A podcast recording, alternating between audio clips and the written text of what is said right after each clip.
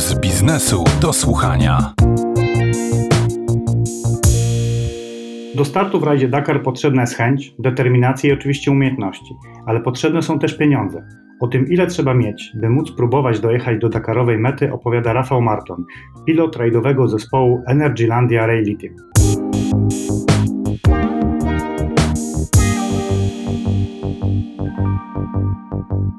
Panie Rafale, ma Pan tych Dakarów za sobą kilkanaście, jak dobrze liczę, głównie na fotelu pilota, co w tym rajdzie jest dość istotną, o ile nie bardzo istotną rolą, ale chciałem Pana podpytać o inną bardzo istotną rzecz w Dakarze, czyli o pieniądze, które są potrzebne, żeby tam w ogóle pojechać. I może zacznę w ten sposób. Co by mi pan powiedział i poradził, gdybym ja, Marcin Bałtryk, przyszedł do pana i powiedział, że chcę jechać w Dakarze, co mam robić? No myślę, że w tej chwili namawiałbym pana na start w klasie UTV, ponieważ jest to klasa, która za stosunkowo niewielkie pieniądze, znacznie mniejsze niż pieniądze w przypadku startu samochodem, daje mnóstwo takich dobrych wrażeń, mnóstwo fanu z rajdy i tak naprawdę w tej chwili ta rywalizacja w tej klasie stała się ciekawa, ponieważ w odniesieniu do tych ostatnich kilku lat, kiedy startowało w niej kilkanaście, może dwadzieścia pojazdów, tak już w tej chwili, w tym roku tych pojazdów na starcie stanęło blisko 80. A co to jest za klasa? No i przede wszystkim o jakich pieniądzach mówimy? Pojazd UTV został wymyślony w Stanach Zjednoczonych. Jest to skrót od takiej roboczej nazwy, którą Amerykanie przyjęli dla tego projektu Universal Terrain Vehicle. I tak naprawdę w momencie, kiedy powstawały pierwsze Polarisy i pierwsze Kanamy, to ich przeznaczeniem miała być taka pomoc na farmach, w rolnictwie. To miały być takie małe pojazdy do sprawnego przemieszczania się w terenie, gdzieś tam przy gospodarstwie. I te pierwsze utywały tak naprawdę to były takie pika-piki niewielkie ze skrzynią ładunkową z tyłu. Ale sama ta konstrukcja bardzo szybko zyskała wielu zwolenników w takiej szybkiej jeździe terenowej, z uwagi na to, że jest bardzo lekka, że była wyposażona w stosunkowo mocne silniki, a przede wszystkim z uwagi na to, że ma genialne zawieszenie, bardzo duży skok zawieszenia, pozwala na to, żeby poruszać się z dużą prędkością po ciężkim terenie. Zaczęły powstawać nowe pojazdy, które już nie miały nic wspólnego z tymi pierwszymi pick-upami, takie mini buggy, coraz szybsze, wyposażone w coraz mocniejsze silniki, coraz lepsze zawieszenia, coraz lepsze napędy. I tak powolutku, powolutku wkroczyły do sportu, no i, i zadomowiły się w tej chwili na dobre. Naprawdę w Dakarze startuje kilkadziesiąt tych UTV-ów. W rajdach Pucharu Świata jest ich coraz więcej. Nawet na naszym tutaj podwórku w Polsce, w Mistrzostwach Polski jest już kilkadziesiąt tych pojazdów i jest ich coraz więcej, coraz większe zainteresowanie, coraz większe zainteresowanie ze strony również FIA, organizatorów. Powstały nowe regulaminy, które regulują to wszystko, bo przez kilka lat one się tak naprawdę, te pojazdy odbijały gdzieś pomiędzy FIA a FIM, czyli pomiędzy Federacją Motocyklową i Samochodową.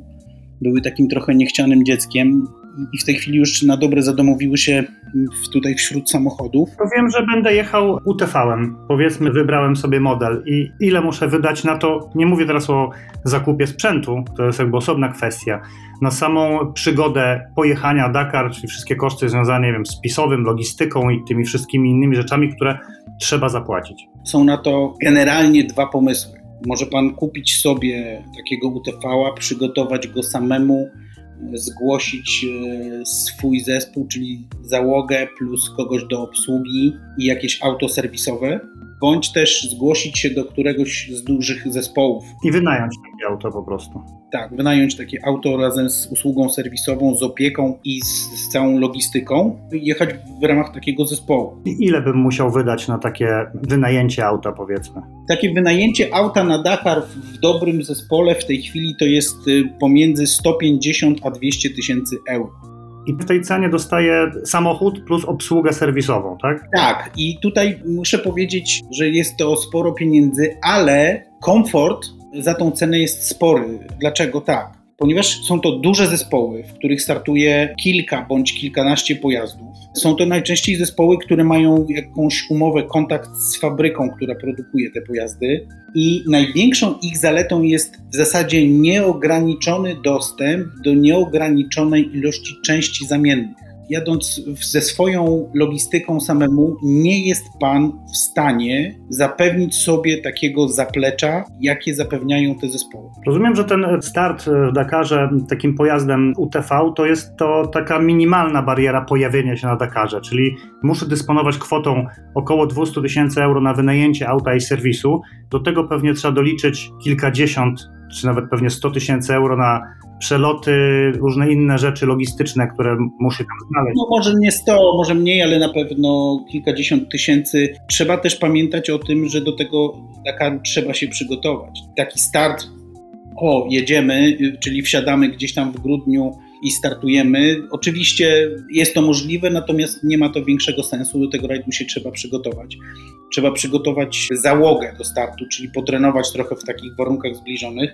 No i trzeba też przetestować ten pojazd. Jest to testowanie przede wszystkim zawieszenia, opon, jakiejś tej konstrukcji, jeżeli się to samemu buduje, bądź też jakichś nowinek technicznych, które oferują te duże zespoły i te przygotowania pochłaniają e, sporo przed startem jeszcze, tak? czyli koniec tego roku kalendarzowego poprzedzającego start w Dakarze, no to są bardzo takie w zasadzie 3-4 intensywne miesiące przygotowań. No i też e, kolejne dziesiątki tysięcy euro, rozumiem, czyli... Też kolejne pieniądze wydane i tak lekko licząc, e, bez 300 tysięcy euro nie mam specjalnie co myśleć o starcie w Dakarze czymkolwiek. Powiem panu tak, e, rozmawialiśmy tutaj o tej wersji współpracy z takim dużym zespołem. Ja wyobrażam sobie, że można wystartować w Dakarze za około połowę tego, czyli za około 100 tysięcy euro, przy tej opcji, że jedziemy samemu. Ale wiąże się to naprawdę z, wielkimi ograniczeniami. Nie mamy dostępu do tych części zamiennych. Te zespoły, które mają tych części dużo, to te części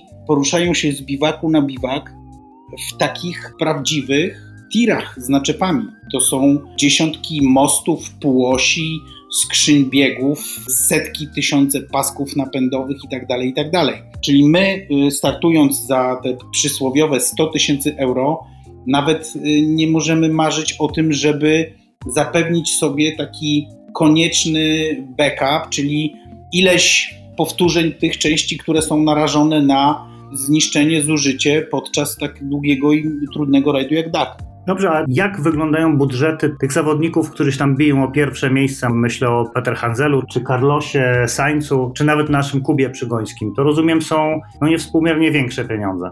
Budżety tak zwanych kierowców fabrycznych, z którymi Kuba się ściga, Peter Hanzel, Alatia, czy wcześniej zespoły Mitsubishi, to jest ta poprzednia dekada, czy później hegemonia Volkswagena, który pojawił się na Dakarze przez 3-4 lata próbował, testował i nagle zaatakował ze zdwojoną siłą w momencie, kiedy Dakar przeniósł się do Ameryki Południowej w 2009 roku i, i, później rok po roku wygrywał w ten sposób, że te nawet trzy pierwsze miejsca przyjeżdżały Volkswageny. Później pojawił się zespół Peugeota, który podobnie walczył o te pierwsze miejsca i, i nie oddawał pola. Jest też zespół Mini i tak naprawdę w przypadku budżetów tych zespołów wszyscy o tym mówią, nikt nie wie, jak naprawdę e, wysokie są te budżety, ale pojawiają się takie stwierdzenia e, jak sky is the limit albo open budget.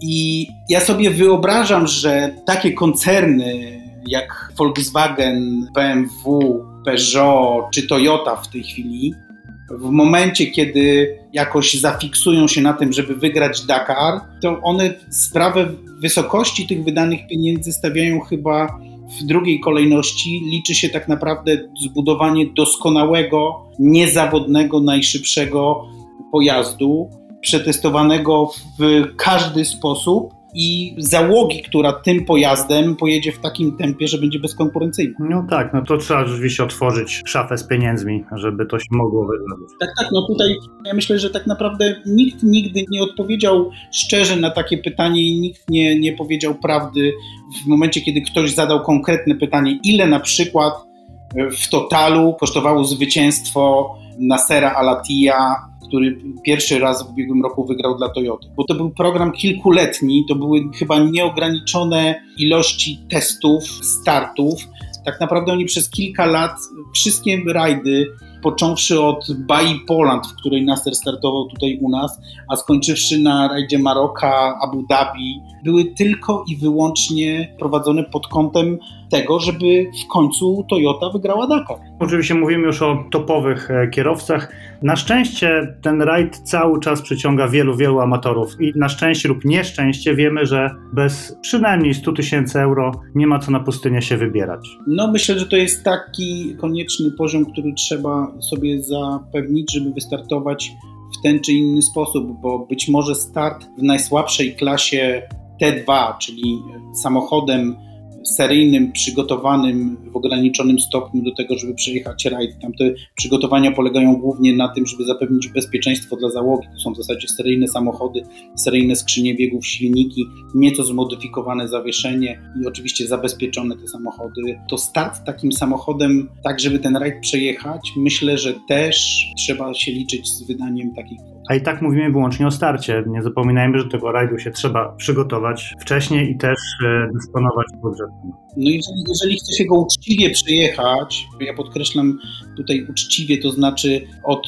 startu do mety kończyć wszystkie etapy i tak naprawdę jechać. Nikt nie wymaga od tych aut, żeby się ścigały o najwyższe lokaty, ale to ma być po prostu auto, które startuje rano i przejeżdża o własnych siłach na metę odcinka i zjeżdża na biwak, bo w tej chwili z uwagi na to, że organizatorzy chcą przyciągnąć jak największą ilość zawodników do tego rajdu, powstało wiele takich w regulaminie Dakaru y, furtek, które pozwalają dojechać do tej mety. Jest ten projekt, który nazywa się Dakar Experience, czyli jeżeli ktoś odpadnie w pierwszym tygodniu, może wrócić po dniu przerwy i kontynuować jazdę w drugim tygodniu w tej osobnej klasyfikacji. Jest dopuszczone już wystartowanie w kolejnym dniu, w momencie kiedy nie skończy się etapu.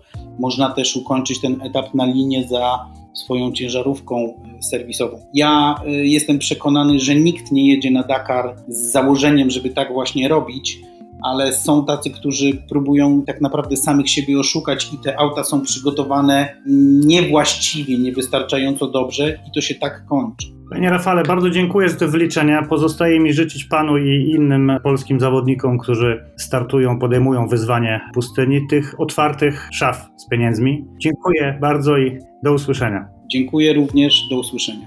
Gościem Pulsu Biznesu do słuchania był rajdowy pilot Rafał Marton.